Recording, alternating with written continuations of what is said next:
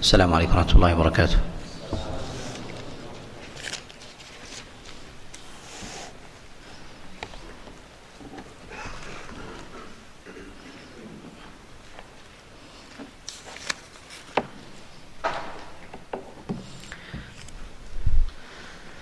الحمد لله رب العالمين وصلى الله وسلم وبارك على نبينا محمد وعلى آله وأصحابه ومن تبعهم بإحسان إلى يوم الدين. أما بعد ففي هذا المجلس في الحادي عشر من ربيع الآخر من عام خمس وثلاثين بعد الأربعمائة والألف نكمل ما توقفنا عنده مما يتعلق بآيات الأيتام. وهذه السورة وهي سورة النساء يتفق السلف والخلف على اسمها وتسميتها بالنساء. ولو كان لها اسم ثاني لكان سورة اليتامى وذلك لاستقلالها بجملة من الأحكام الخاصة بهم مما مما لا يوجد في غيرها. يقول الله سبحانه وتعالى وابتلوا اليتامى حتى إذا بلغوا النكاح فإن آنستم منهم رشدا فادفعوا إليهم أموالهم. الله سبحانه وتعالى بعدما ذكر حرمة مال اليتيم وشدد الله عز وجل في ذلك ونهى عن تبديل الخبيث بالطيب ونهى الله سبحانه وتعالى عن حبس مال اليتيم عنه فأمر الله عز وجل بدفعه إليه عند حاجته إليه واستقلاله بالتصرف فيه مع الرشاد. ولما حذر الله عز وجل من إعطاء السفهاء الأموال ويدخل في السفهاء القاصر عن التصرف وحسن التدبير كالأيتام. لما ذكر الله عز وجل ذلك جعل الله عز وجل حدا لحبس مال اليتيم عنه وأن حبسه في ذلك إنما هو لصالحه لا لصالح الولي ولا لصالح الوصي. ولما كان كذلك وجب على الولي والوصي أن يختبر وأن يتتبع حال اليتيم هل بلغ أو لم يبلغ؟ وإذا بلغ هل هل رشد أو لم يرشد؟ وهذا ظاهر في قول الله عز وجل وابتلوا اليتامى حتى إذا بلغوا النكاح. والمراد بالابتلاء هنا في هذه الآية هو الامتحان والاختبار أي اختبروا أحوالهم لتميزوا البالغ من غيره والراشد من غيره. فإذا بلغ ورشد وجب عليكم أن تدفعوا إليه ماله لأنه أحق أحق به من غيره فلا يجوز حينئذ أن يحبس ماله عنه. وفي هذه الآية دليل على تحريم حبس مال اليتيم من الولي والوصي. فحبسه إضرار به وهو محرم. إذا كان قادرا على التصرف محسنا له. وهذا ظاهر في جملة من القرائن في هذه الآية وصريحا في قول الله عز وجل فادفعوا إليهم أموالهم وفي القرائن في قوله وابتلوا اليتامى وذلك أن الابتلاء هو الاختبار والامتحان وتتبع الحال وتتبع الحال فيها من الكلفة والمشقة بمعرفة تمييز الصبي من الخير والشر. وكذلك اليتيم بعد بلوغه من إدراك حقه من إدراك حقه عن حق غيره وكذلك معرفة مواضع الخير والشر والنفع والضر عند تصرفه ومعرفة مآلات الأمور ومعرفة الحال فإن ذلك مما يشق على الولي والوصي أن يدركه من أول مرة أو ربما مرات فيحتاج إلى شيء من التفحص ولهذا يتفق العلماء على أن المراد بقول الله جل وعلا وابتلوا اليتامى يعني اختبروهم يعني اختبروهم مرة بعد مرة وكرة بعد كرة حتى تدركوا أنهم أنهم رشدوا وبلغوا وبلغوا النكاح. وهنا في قول الله سبحانه وتعالى وابتلوا اليتامى اليتم على ما تقدم معنا هو من فقد آباه وكان سنه دون دون البلوغ ودون الاحتلال.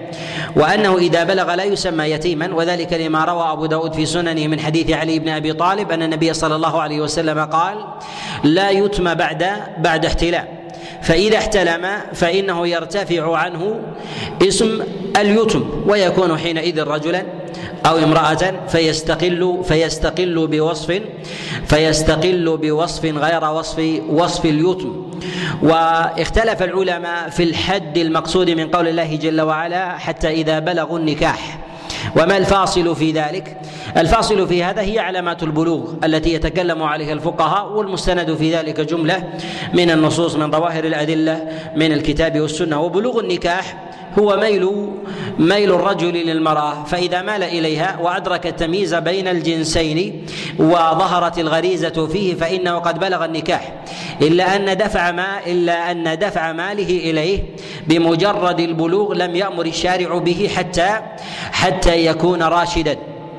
وآكد علامات البلوغ وهي بلوغ النكاح وهو الاحتلام.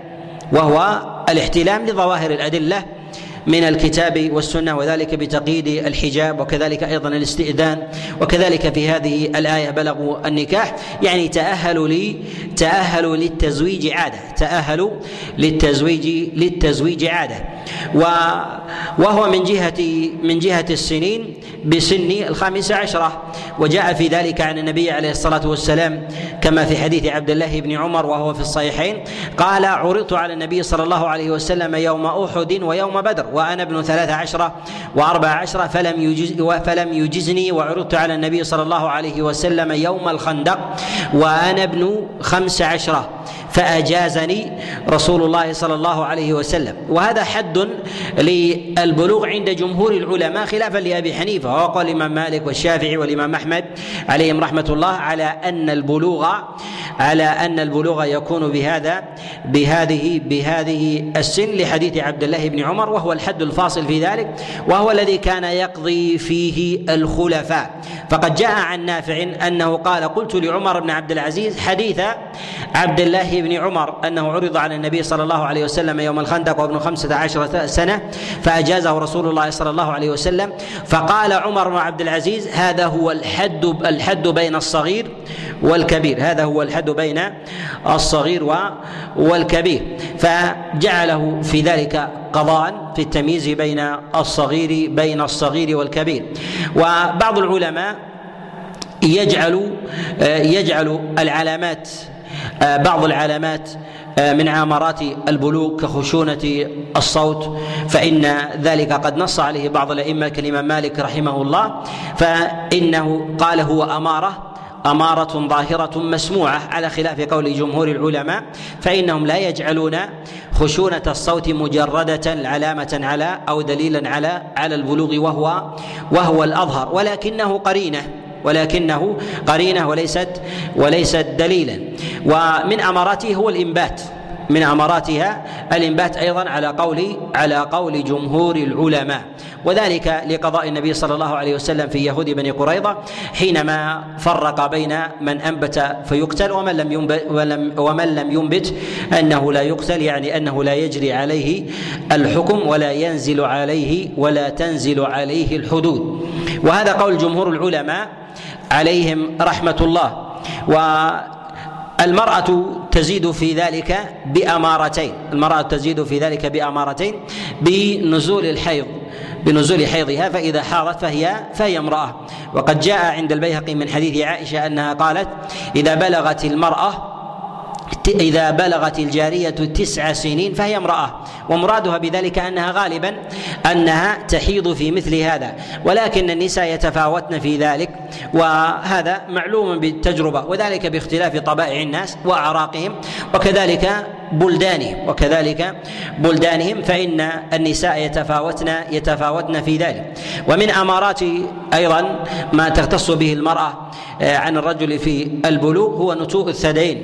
فإذا نتأ الثديان فهذا من أمارات وعلامات وعلامات بلوغ بلوغ الجارية.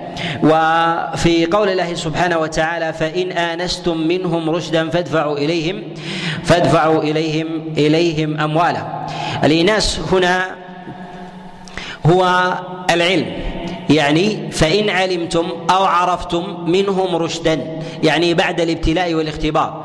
وقد نص على ذلك على أن هذا المعنى في قوله فإن آنستم منهم رشدا يعني عرفتم وعلمتم منهم رشدا. جماعة من المفسرين كعبد الله بن عباس وكذلك عائشة ومجاهد بن جبر وغيرهم من المفسرين على أن المراد بذلك هو العلم. فلا يدفع المال إليه بظن. أو بشبهة فلا بد من فلا بد من معرفة يقينية. وهذا وهذا يظهر في هذا في هذا النص وكذلك في قرينة الابتلاء في قوله وابتلوا اليتامى. وذلك أن الابتلاء يدفع الإنسان ويحوله من نتيجة ظنية إلى نتيجة يقينية. إلى نتيجة إلى نتيجة يقينية. وابتلوا اليتامى حتى إذا بلغوا النكاح فإن آنستم منهم رشدا فادفعوا إليهم فادفعوا إليهم إليهم أموالهم. وهنا الرشد المراد به هو حسن التصرف والتدبير وحسن التصرف والتدبير.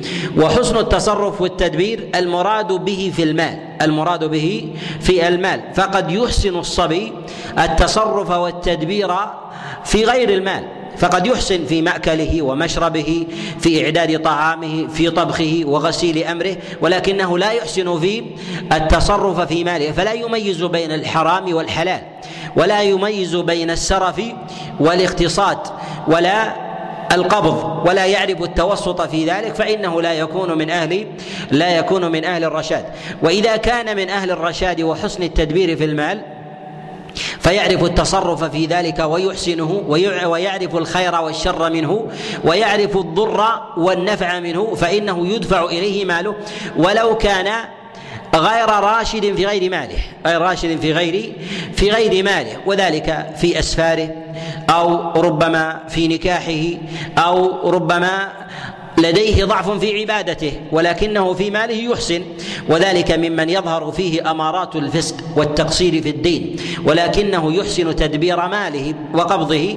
فالمراد في ذلك هو فالمراد بذلك هو صلاح التدبير في المال. وقد نص على ذلك جماعة من السلف كعبد الله كعبد الله بن عباس عليه رضوان الله تعالى فيما رواه عنه سعيد بن جبير وغيره. قال قال فإن آنستم منهم رشدا قال إصلاحه في ماله. إصلاحه إصلاحه في ماله. يعني إذا كان يعرف الإصلاح من الإفساد في المال والسرف من غيره فإنه يكون فإنه يكون راشدا وهذا لا يكون إلا لا يكون إلا بالتجربة. وهنا في قول الله جل وعلا وابتلوا اليتامى حتى إذا بلغوا النكاح.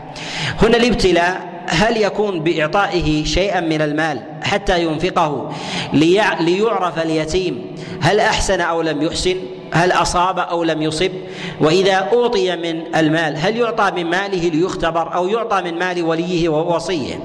يقال إنه يعطى من المال من ماله هو من غير سرف فلا يعطى مالا كثيرا فإذا أفسده أضر بماله. فإذا أفسده أضر أضر بماله. فيكون ابتلاؤه بذلك إذا لم يكن الإنسان يعرف يعرف تمييزه وإحسانه من غير مال من غير مال. فإذا احتاج إلى إعطائه المال ليعرف رشاده في ذلك فيعطيه من ماله فيعطيه من ماله من ماله هو. ومن العلماء من قال إن ثمة أمارات لرشاد آه، اليتيم وقرائن تعرف به منهم من يقول هو صلاحه في دينه. إذا صلح في دينه فإنه يعرف مواضع الحرام. يعرف بذل المال في الحرام. وبذل المال في الحرام هو ضرب من ضروب من ضروب السفه ويوجب على صاحبه إذا كان يتقصد ذلك الحجر. إذا كان يتقصد ذلك الحجر. فإذا كان صاحب ديانة فإنه يميز ويتوقى الحرام. فلا يضع ماله في خمر ولا في ميسر ولا في قمار ولا في رشوة ولا في ربا ولا في غير ذلك من امور من أمور الحرام. فلا يشتري منه شيئا حراما ولا يبذله في حرام. ويعرف أيضا مواضع الإسراف والتقتير والتوسط في ذلك. فإذا عرف ذلك فإن هذا أمارة على على رشاد. ومنهم من قال من أمارات الرشاد إقامة الصلاة. وقد رواه ابن جرير الطبري عن عبيدة بن عمر أنه قال فإن آنستم منهم رشدا قال فإن أقاموا الصلاة يعني رشدوا يعني عرفوا وميزوا وميزوا الخير الخير من الشر. ولا شك أن إقام الصلاة تنهى الإنسان عن عن الفحشاء والمنكر فتنهى عن بذله في في حرام. وإن بذله مرة توقاه في في المرة الأخرى وربما كان أكثر رجوعا وإنابة مما يقع فيه مما يقع فيه من حرام. وقوله جل وعلا فادفعوا إليهم أموالهم في هذا دليل على أنه يحرم حبس مال اليتيم يحرم حبس مال اليتيم وهذا نص صريح في ذلك. فليس للولي والوصي إذا أدرك اليتيم الخير من الشر وميز ذلك أن يحبس ماله عنه. ولهذا ظاهر الأمر الوجوب في قوله فادفعوا إليهم أموالهم يعني لا تحبسوها عنهم بعد يقينكم انهم أنهم رشدوا وميزوا وميزوا الخير من الشر وأحسنوا التصرف التصرف في ذلك. ويعضد ذلك ويؤيده في قوله وابتلوا اليتامى أي أنه يجب عليكم أن تبتلوا اليتامى مرة بعد مرة حتى تعرفوا حقيقة تصرفهم في ذلك. فإذا اتضح لكم وتيقنتم من ذلك فادفعوا اليهم إليهم أموالهم وأيضا في قول الله جل وعلا فادفعوا إليهم أموالهم. هنا بإضافة المال إليهم بيان لحقهم في ذلك بيان لحقهم في ذلك وتملكهم للتصرف في مالهم وأن حبس مالهم وأن حبس مالهم عنهم يحرم وهذا مما لا خلاف فيه كحبس سائر الأموال. كحبس سائر الاموال أن يحبس الإنسان ماله عن أخيه أو يحبس ماله مال جاره عنه أو يحبس مثلا مال زوجته آه، عنها فهذا أيضا مما مما يحرم. فإذا طلبه الراشد من الناس ذكرا كان أو أنثى فيجب أن يعطى أن يعطى المال فيجب أن يعطى المال. وإذا منع ذلك للسفه وعدم الرشاد فيحسن إليه في القول. على ما تقدم في قول الله جل وعلا وقولوا لهم قولا وقولوا لهم قولا معروفا يعني حتى لا يظنوا أن حبسكم لمالهم إضرار بهم. حتى لا يظنوا أن الحبس إضرار إضرار بهم. فلا يغلب على ظنهم أنكم حبستم المال لحظ أنفسكم لتأكلوه وتستمتعوا به.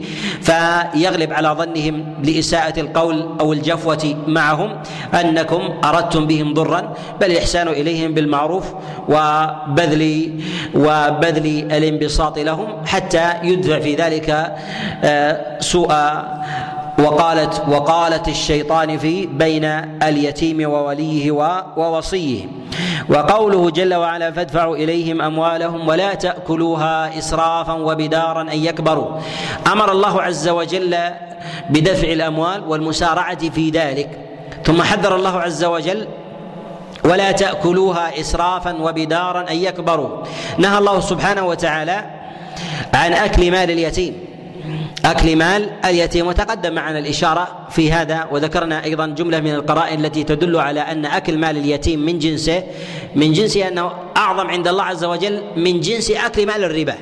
أعظم من جنس أكل مال الربا. وأن الله عز وجل إنما عظم مال الربا لأنه أكثر تقنينا والنفوس تتشوف إليه بخلاف مال اليتيم. النفوس تتعفف تتعفف عنه وتحتاط حتى النفوس الدنيئة حتى النفوس الدنيئة بخلاف الربا. وكذلك أيضا فإن الربا يدخله التقنين والانتشار ويشيع وهو من المظالم العامة التي تدخل في أمور الناس.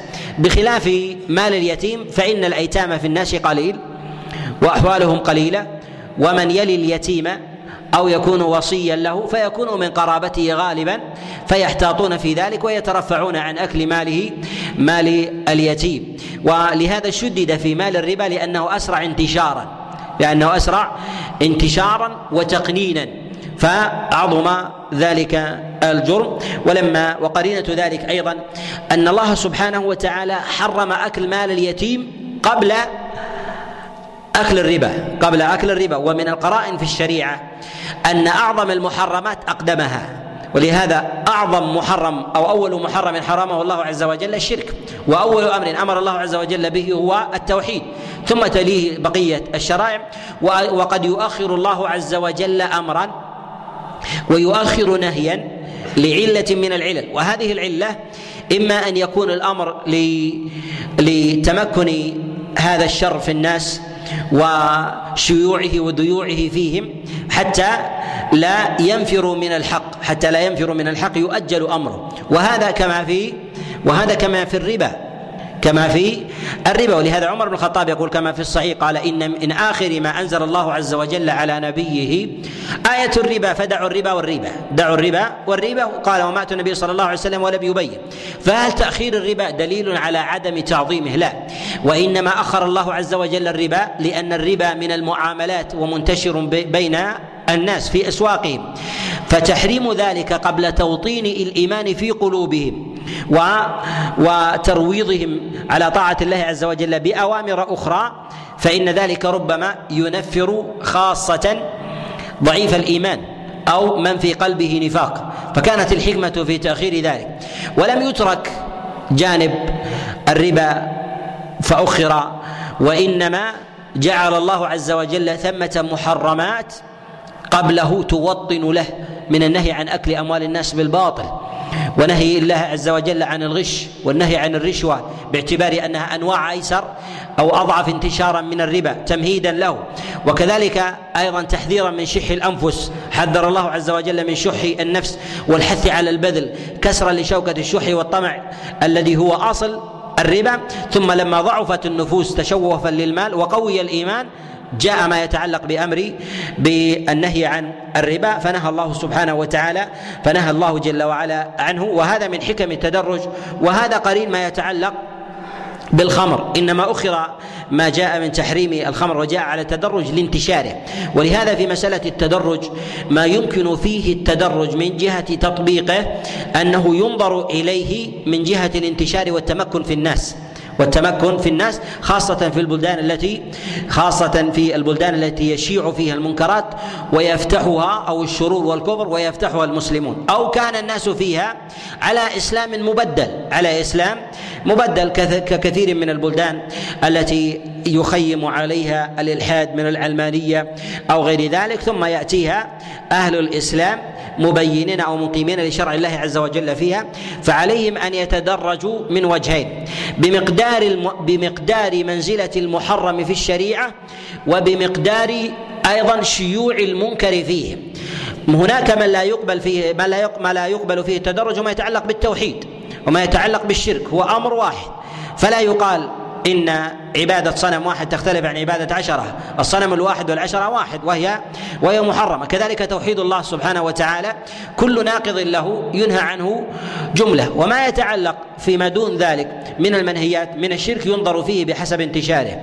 فإذا كان السفور ينتشر ينتشر في في ذلك البلد والتعري يقتصد في الأمر على ما وصلوا إليه على ما وصلوا إليه. فيؤمرون بالستر العام وعدم إبداء وعدم إبداء ظواهر العورات ثم ويوطنون على ما بعد ذلك ولا ينهون مثلا عن الاختلاط وهم يقعون في الزنا والخلوة وثم يحرم عليهم ابتداء الزنا ثم ذرائعه من الخلوة ثم بعد ذلك الاختلاط لأن الخلوة أعظم من الاختلاط والاختلاط مقدمة للخلوة.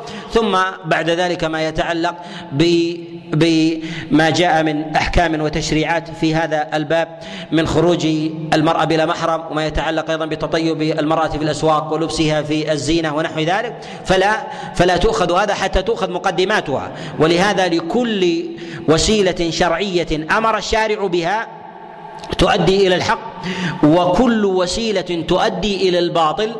لا بد من تحقيق الحق الأصل قبل النهي والأمر عن وسائله والأمر بوسائله. ولهذا إذا أمرت بالتوحيد والناس على شرك. لا تنهى عن وسائل الشرك وهم يقعون في الأصل من جهة الشرك. فانهى عن الشرك ابتداء وخفف في وسائله باعتبار أنها لا تخرج الإنسان من الإسلام وتدخله في الكفر. ثم إنهى أو انه عن ما يتعلق بتلك الوسائل على سبيل التدرج.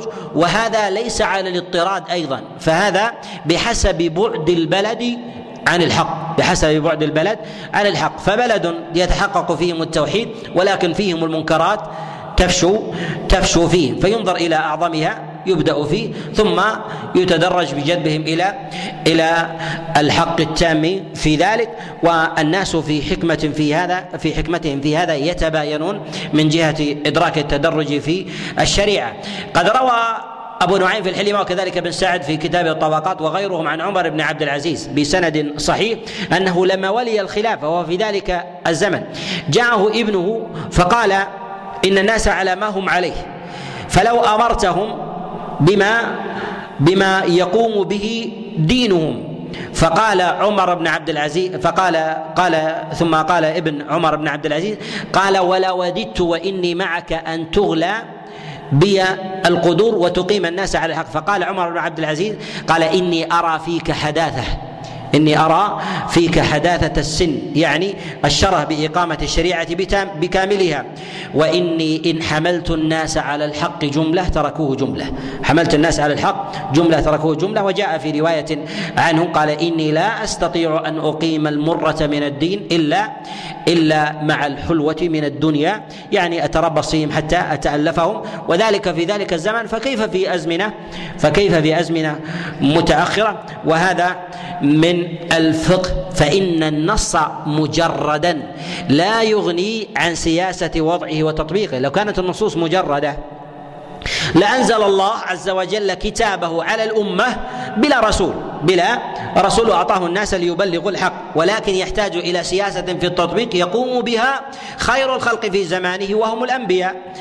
يقومون بتطبيق شريعة الله عز وجل حتى يأخذوا إحكام التنزيل من أولئك الأنبياء. ولهذا نقول لا بد من النظر في أمرين وفقه النصوص وهذا مطلب.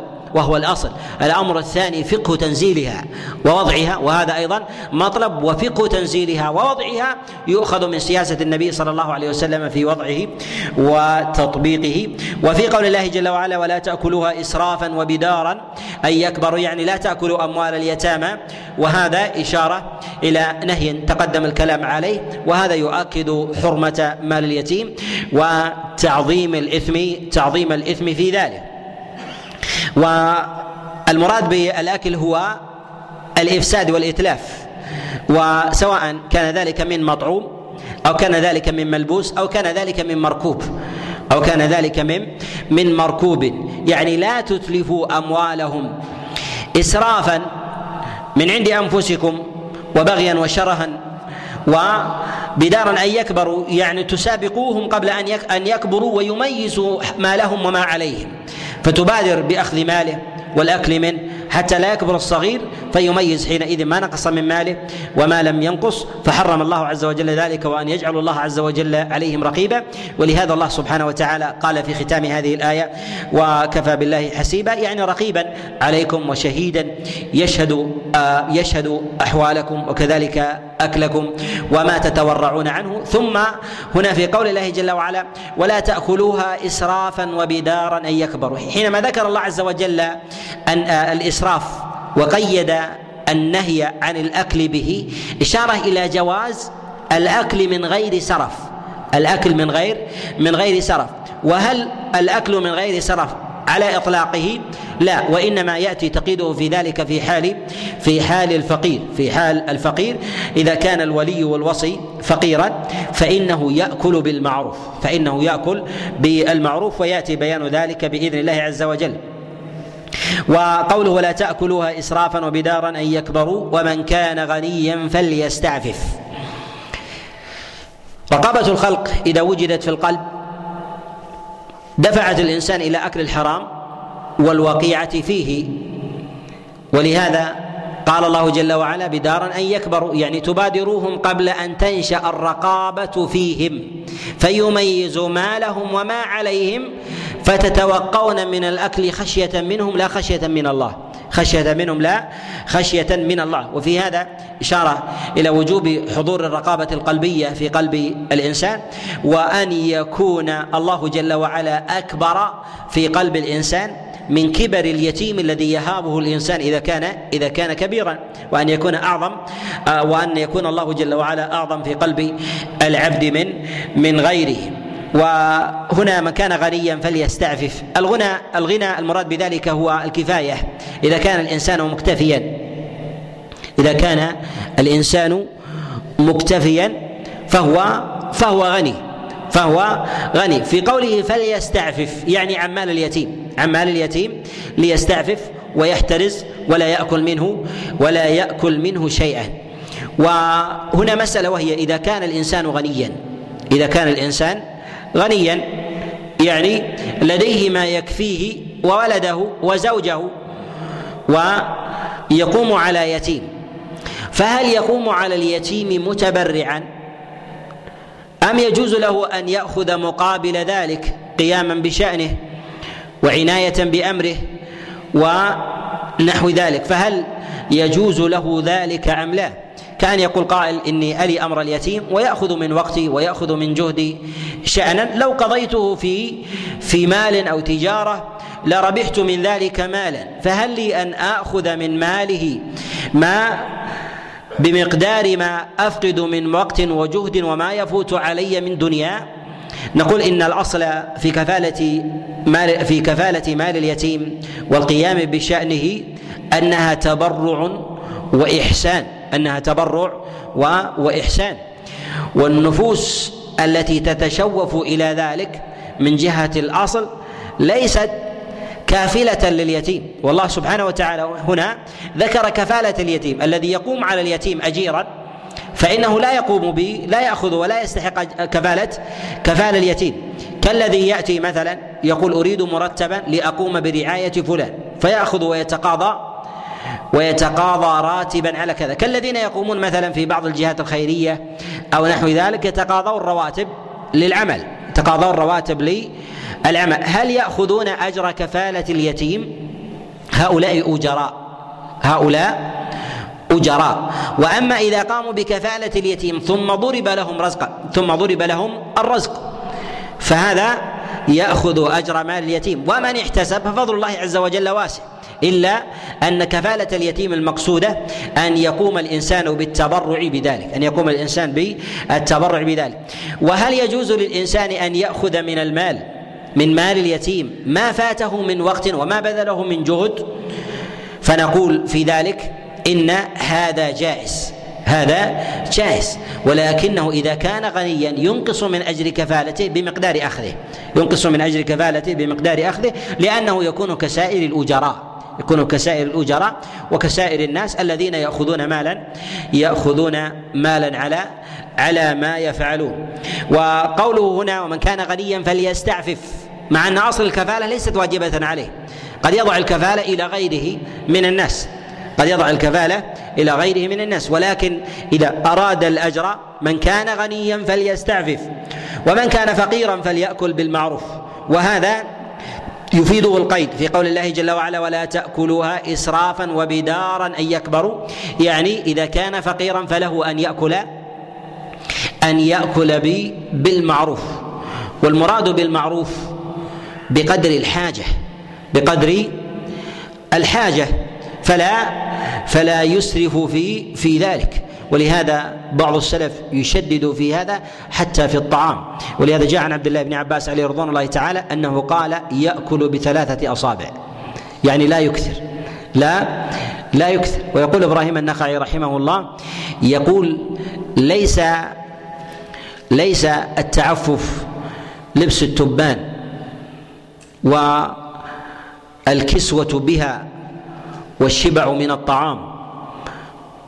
وإنما ستر العورة ورد النفس يعني ما يرد الإنسان بذلك نفسه.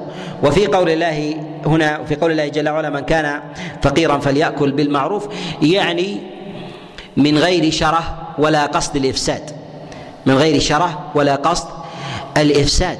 ولهذا شدد غير واحد من السلف في أكل الغني من مال اليتيم قصدا. يقول عمرو بن شراحيل الشعبي رحمه الله يقول أكل مال اليتيم سرفا وقصدا مع غنى وكفاية كأكل الميتة والدم كأكل الميتة الميتة والدم وذلك لشدة حرمته وعظم منزلته ومقامه وذلك لأن اليتيم لا رقيب على ماله إلا إلا الولي والوصي. فإذا أكله وخانه من الذي يصونه حين حينئذ؟ ومر وما هنا هو الرقيب عليه. ولهذا إذا ضعفت أو ضعف رقيب الطبع في الإنسان قوي وازع قوي وازع الشرع. وهذا تلازم هذا تلازم. إذا قوي وازع الشرع ضعف وازع وإذا قوي وازع الطبع ضعف وازع الشرع. وإذا ضعف وازع الطبع قوي وازع الشرع حتى يكون في ذلك توازن. حتى يكون في ذلك في ذلك توازن. ولهذا نجد النصوص الكثيرة في التحريم في تحريم آه، الزنا والتحريم بحليلة الجار ونحو ذلك. لكن ما نجد ذلك التشديد بأسانيد مماثلة ما يتعلق بوقيعة الرجل بأمه أو وقيعة الرجل ببنته أو وقيعة الرجل بأخته. أليست أعظم عند الله؟ أعظم عند الله. لماذا النصوص ما تضافرت كما تضافرت في عموم الزنا؟ لأن وزع الطبع أقوى. وزع الطبع قوي. ينفر منه. ينفر من هذا حتى في الكافر. حتى في الكافر. ولهذا الشريعة لا تحرم على الكافر أن يسافر ببنته وأخته وأن يخلو بها وأن يخلو بها ولو كانت مسلمة ولو كانت ولو كانت بنته مسلمة لماذا؟ لقيام وازع الطبع فيه ولو انعدم وازع الشرع ولو انعدم وازع الشرع ولا يجوز للصالح مهما بلغ في الصلاح والولاية أن يخلو بامرأة أجنبية عنه لماذا؟ لضعف وازع الطبع فقوي حينئذ وازع الشرع حتى يكون في ذلك توازن وهذا له أثر في إحكام له أثر في كثير من وفرة النصوص وكثرتها. وكثير من الناس ينظرون إلى خاصة في الفطر المبدلة. الفطر إذا بدلت لا تحكم على الشريعة لأن الفطرة مبدلة ومتغيرة. حينئذ لا لا حكم فيها. وتغير الأزمنة أيضا على الحال الذي كان عليه الصدر الأول أيضا لا يحكم على لا يحكم على على نصوص الشريعة كثرة وقلة وقوة وضعفا وقوة وضعفا كيف معنى كيف يكون هذا؟ يعني أحوال الناس في الصدر الأول كانوا على فطرة صحيحة كانوا على فطرة صحيحة وكانوا على أحوال من المحرمات جاءت الشريعة بسد ذلك التبديل بسد ذلك التبديل الذي طرأ على الفطرة ولهذا جاء النبي صلى الله عليه وسلم امرا الناس بالاستقامة على أمر الله فجاءت النصوص كثرة وقلة وجاء الخطاب يوافق الفطرة يوافق الفطرة. فإذا تغيرت الفطرة لا تتعرف على الشرع لا تتعرف على الشرع. ولهذا الرجل الذي جاء النبي عليه الصلاة والسلام فيقول يقول النبي يقول النبي عليه الصلاة والسلام ائذن لي في الزنا.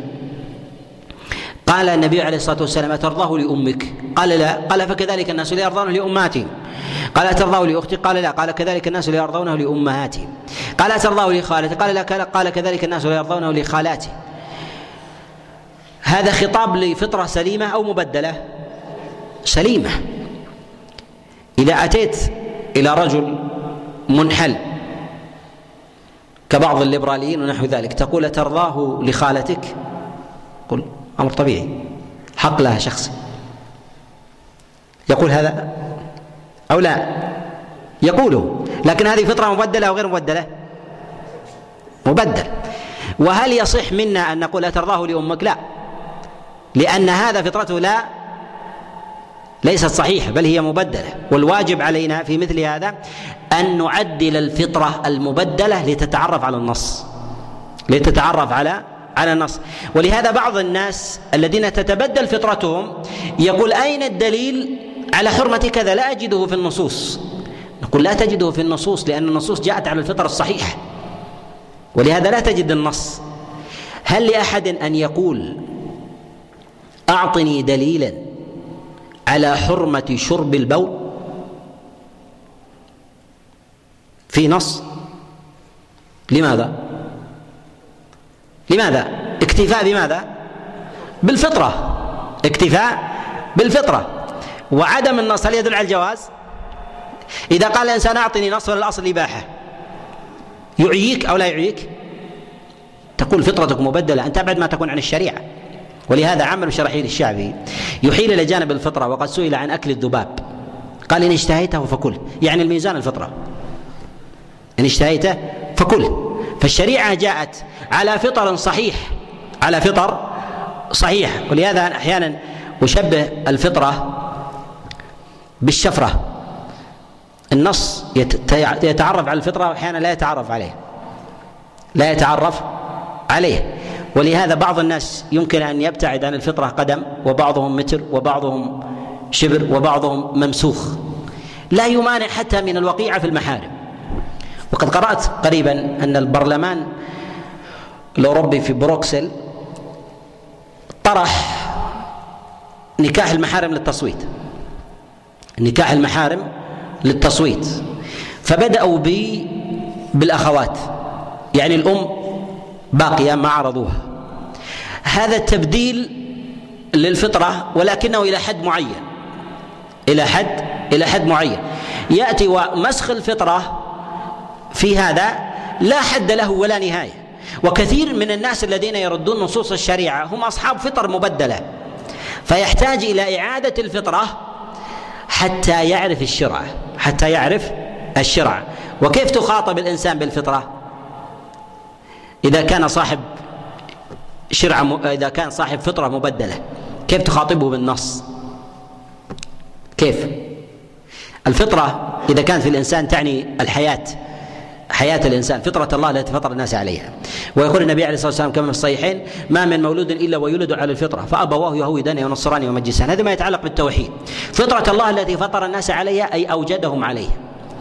التمس فيه شيئا يوقظه التمس فيه شيء من القضاء لا بد أن يكون فيه جاذب من الفطرة. لهذا الأعرابي الذي جاء للنبي عليه الصلاة والسلام قال أترضاه لأمك كأنه يضرب الأوتار. لأختك لخالتك ينظر إلى مدى الفطرة. قد تتبدل في الخالة تتبدل في العمة لكن أيضا لا تتبدل في في الأم. لن تتبدل في الأم. إذا تبدلت في الأم لن تتبدل في الزوجة. ولهذا الغرب تبدلوا شعوريا من جميع المحارم الا الزوجة. الآن لا يحب أن توطأ زوجته. بقي هذا هذه الشعرة.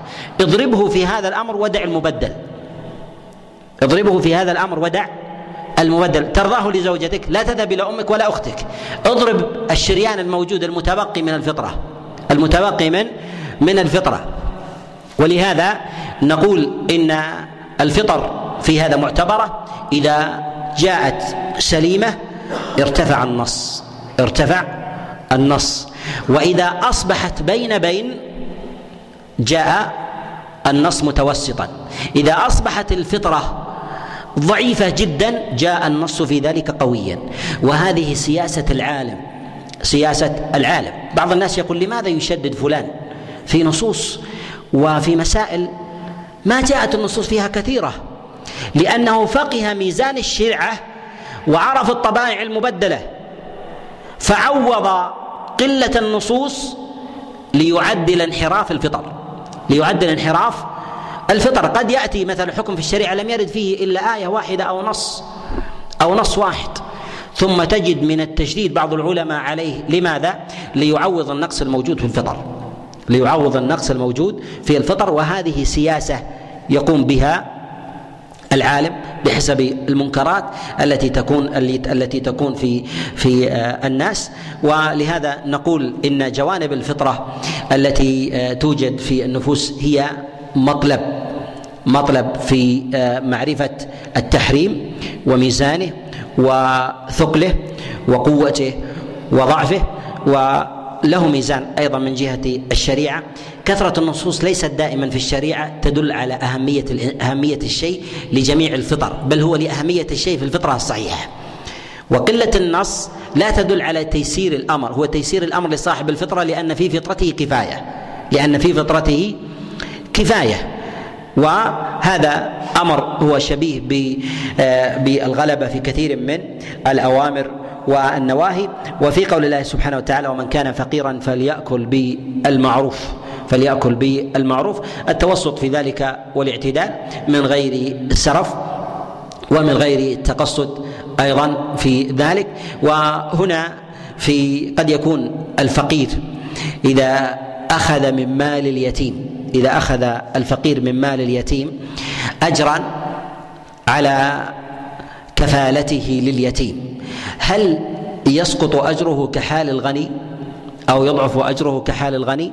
نقول إن الفقير إذا ترك حظه من الدنيا من الضرب والمتاجرة بماله ففاته شيء من المال فأراد أن يأكل من مال اليتيم بالمعروف فإن ذلك لا ينقص من من أجره شيئا لا ينقص من أجره شيئا لأنه ليس لديه كفاية ليس لديه كفاية وقد أذن الله عز وجل له في ذلك.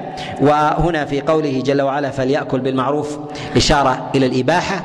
بعض السلف رحمهم الله قال إنما هو أكل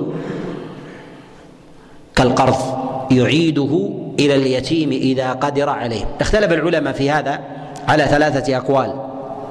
القول الأول قالوا إن الأكل من مال اليتيم. للغني والفقير إنما هو قرض إذا قدر عليه أعاده إذا قدر عليه أعاده الفقير. والغني يحرم عليه أن يأكل أن يأكل وهو يجد من وهو يجد في ماله الكفاية وإذا أخذ وجب عليه وجب عليه الوفاء. وهذا ذهب إليه جماعة من الأئمة عليهم رحمة الله وهو ظاهر قول الإمام الشافعي وقال به عطاء وجماعة من المفسرين. وصح ذلك عن عبد الله بن عباس ومجاهد بن جبر ومجاهد بن جبر. فقال عبد الله بن عباس فيما رواه علي بن أبي طلحة عن عبد الله بن عباس في قول الله جل وعلا قال فليأكل بالمعروف قال هو القرض هو القرض يعني الفقير يأكل اقتراضا ثم يقوم بوفائه. ومنهم من قال والقول الثاني قالوا بأنه ليس قرضا ولكن يستحب أو تستحب إعادته متى ما قدر عليه. وإذا مات ولم ولم يعده فلا يجب عليه ذلك فلا يجب عليه عليه ذلك. وهذا قول سعيد بن جبير كما رواه ابن أبي حاتم وغيره وغيره عنه. القول الثالث قالوا إنه ليس بقرض وذلك أن الله عز وجل ذكر الأكل هنا قال فليأكل بالمعروف والأكل إذا ذكر في الكتاب والسنة من جهة الترخيص فالمراد بذلك هو الإباحة والحل غير عوض من غير من غير عوض. فالله سبحانه وتعالى أمر بالأكل في مواضع عديدة وكذلك جاءت في ذلك السنة فالأصل في هذا فالأصل في هذا الحل.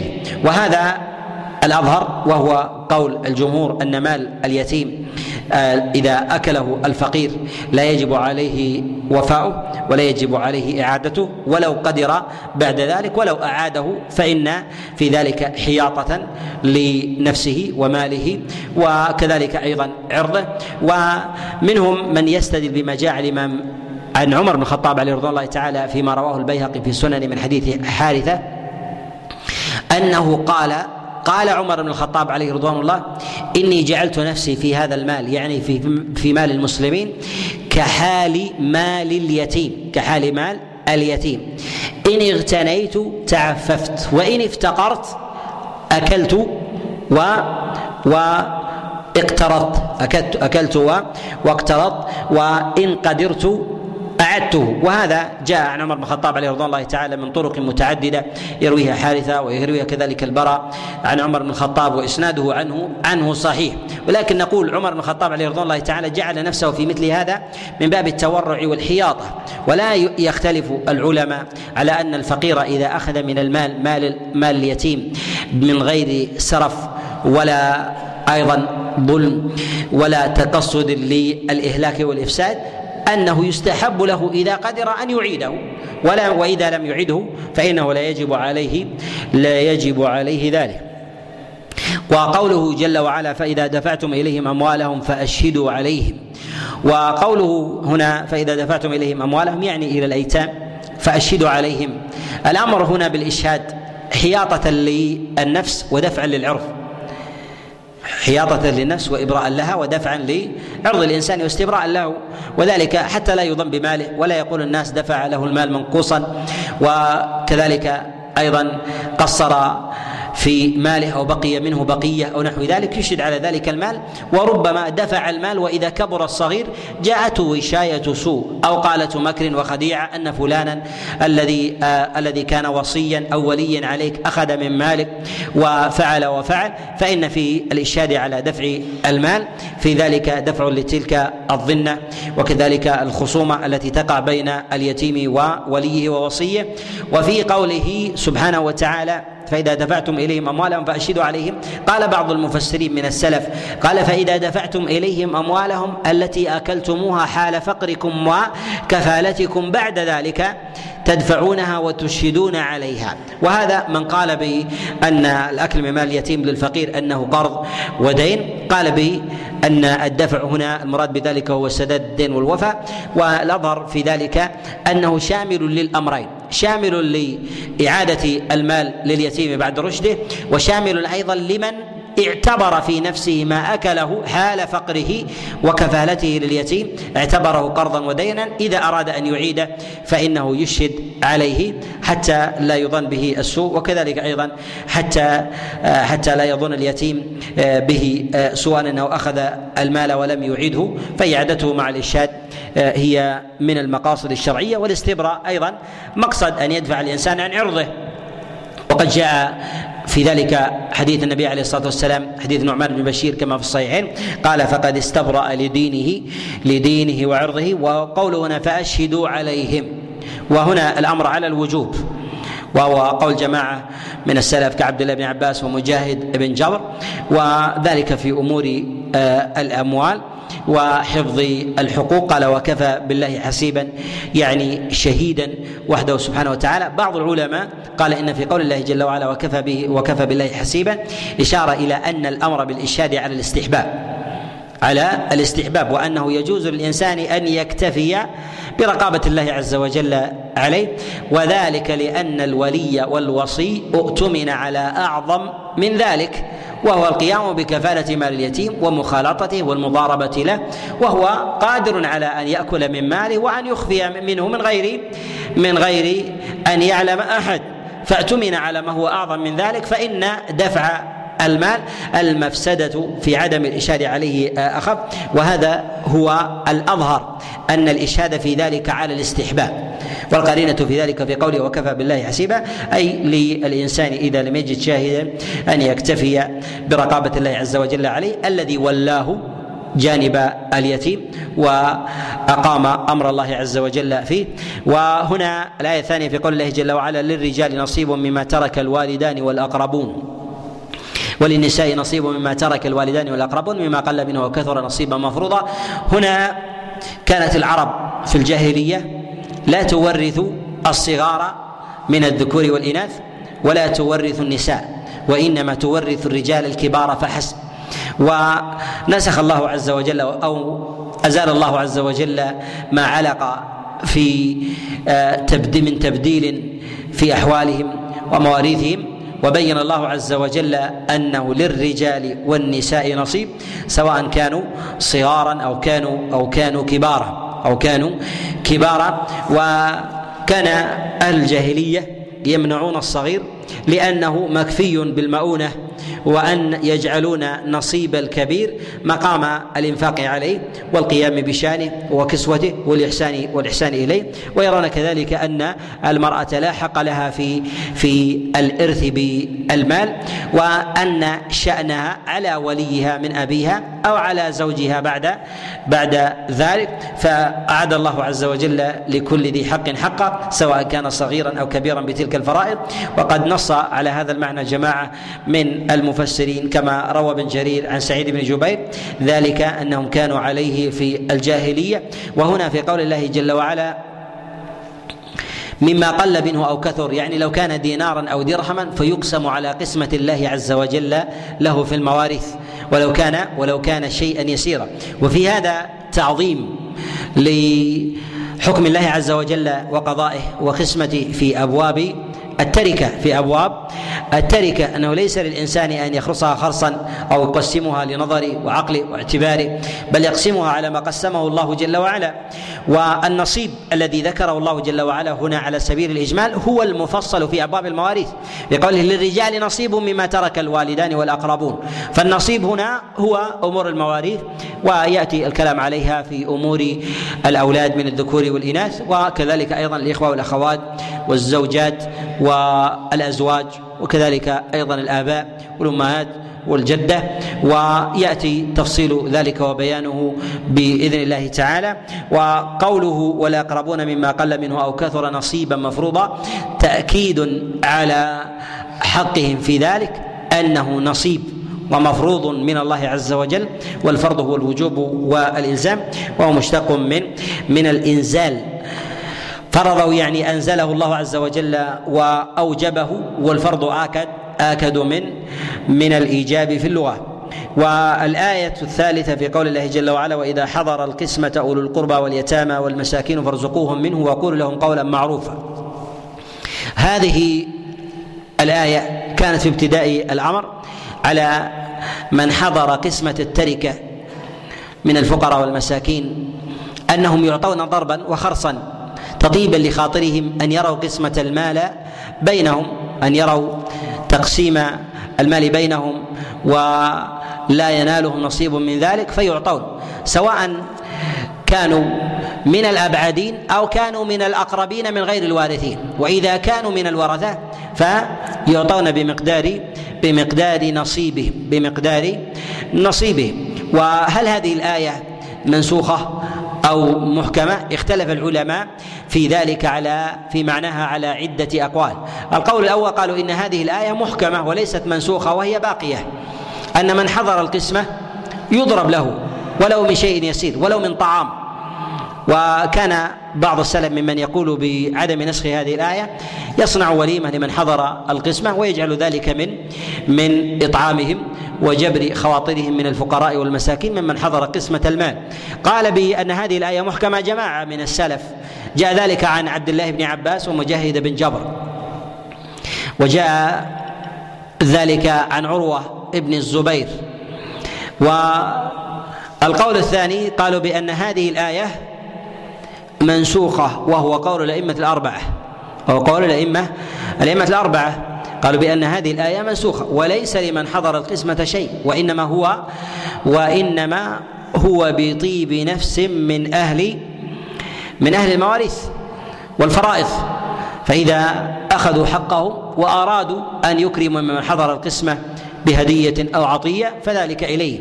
وأما أن يعطوا قبل القسمة من ذلك ولو شيئا يسيرا فذلك تعد على الفرض. وهذا قول أيضا اخر لعبد الله بن عباس وقال به جماعة كسعيد بن المسيب وغيره وهو وهو الصواب. وذلك أنه لا حق لأحد بعد بعد المواريث لا حق لأحد بعد المواريث. القول الثالث وهو قول أيضا لعبد الله بن عباس قول ثالث له قال إن هذه الآية في الوصية. هذه الآية في الوصية أن من حضر الوصية من حضر الوصية فيعطى من المال وليس وليس التركة وليست التركة أما التركة فقد قضى الله عز وجل فيها أمرا ورخص الله عز وجل في الوصية ونظر أن هذه الآية منسوخة. ويبقى هنا في قوله جل وعلا وقولوا لهم قولا معروفا بالإحسان إليهم بالقول وأيضا عدم الإساءة إليهم و والاحسان إليهم ببشاشه الوجه ولين الجانب وقول المعروف فذلك مما أمر الله سبحانه وتعالى به. أسأل الله عز وجل أن يوفقني وإياكم للهدى والتقى وصلى الله وسلم وبارك على نبينا محمد.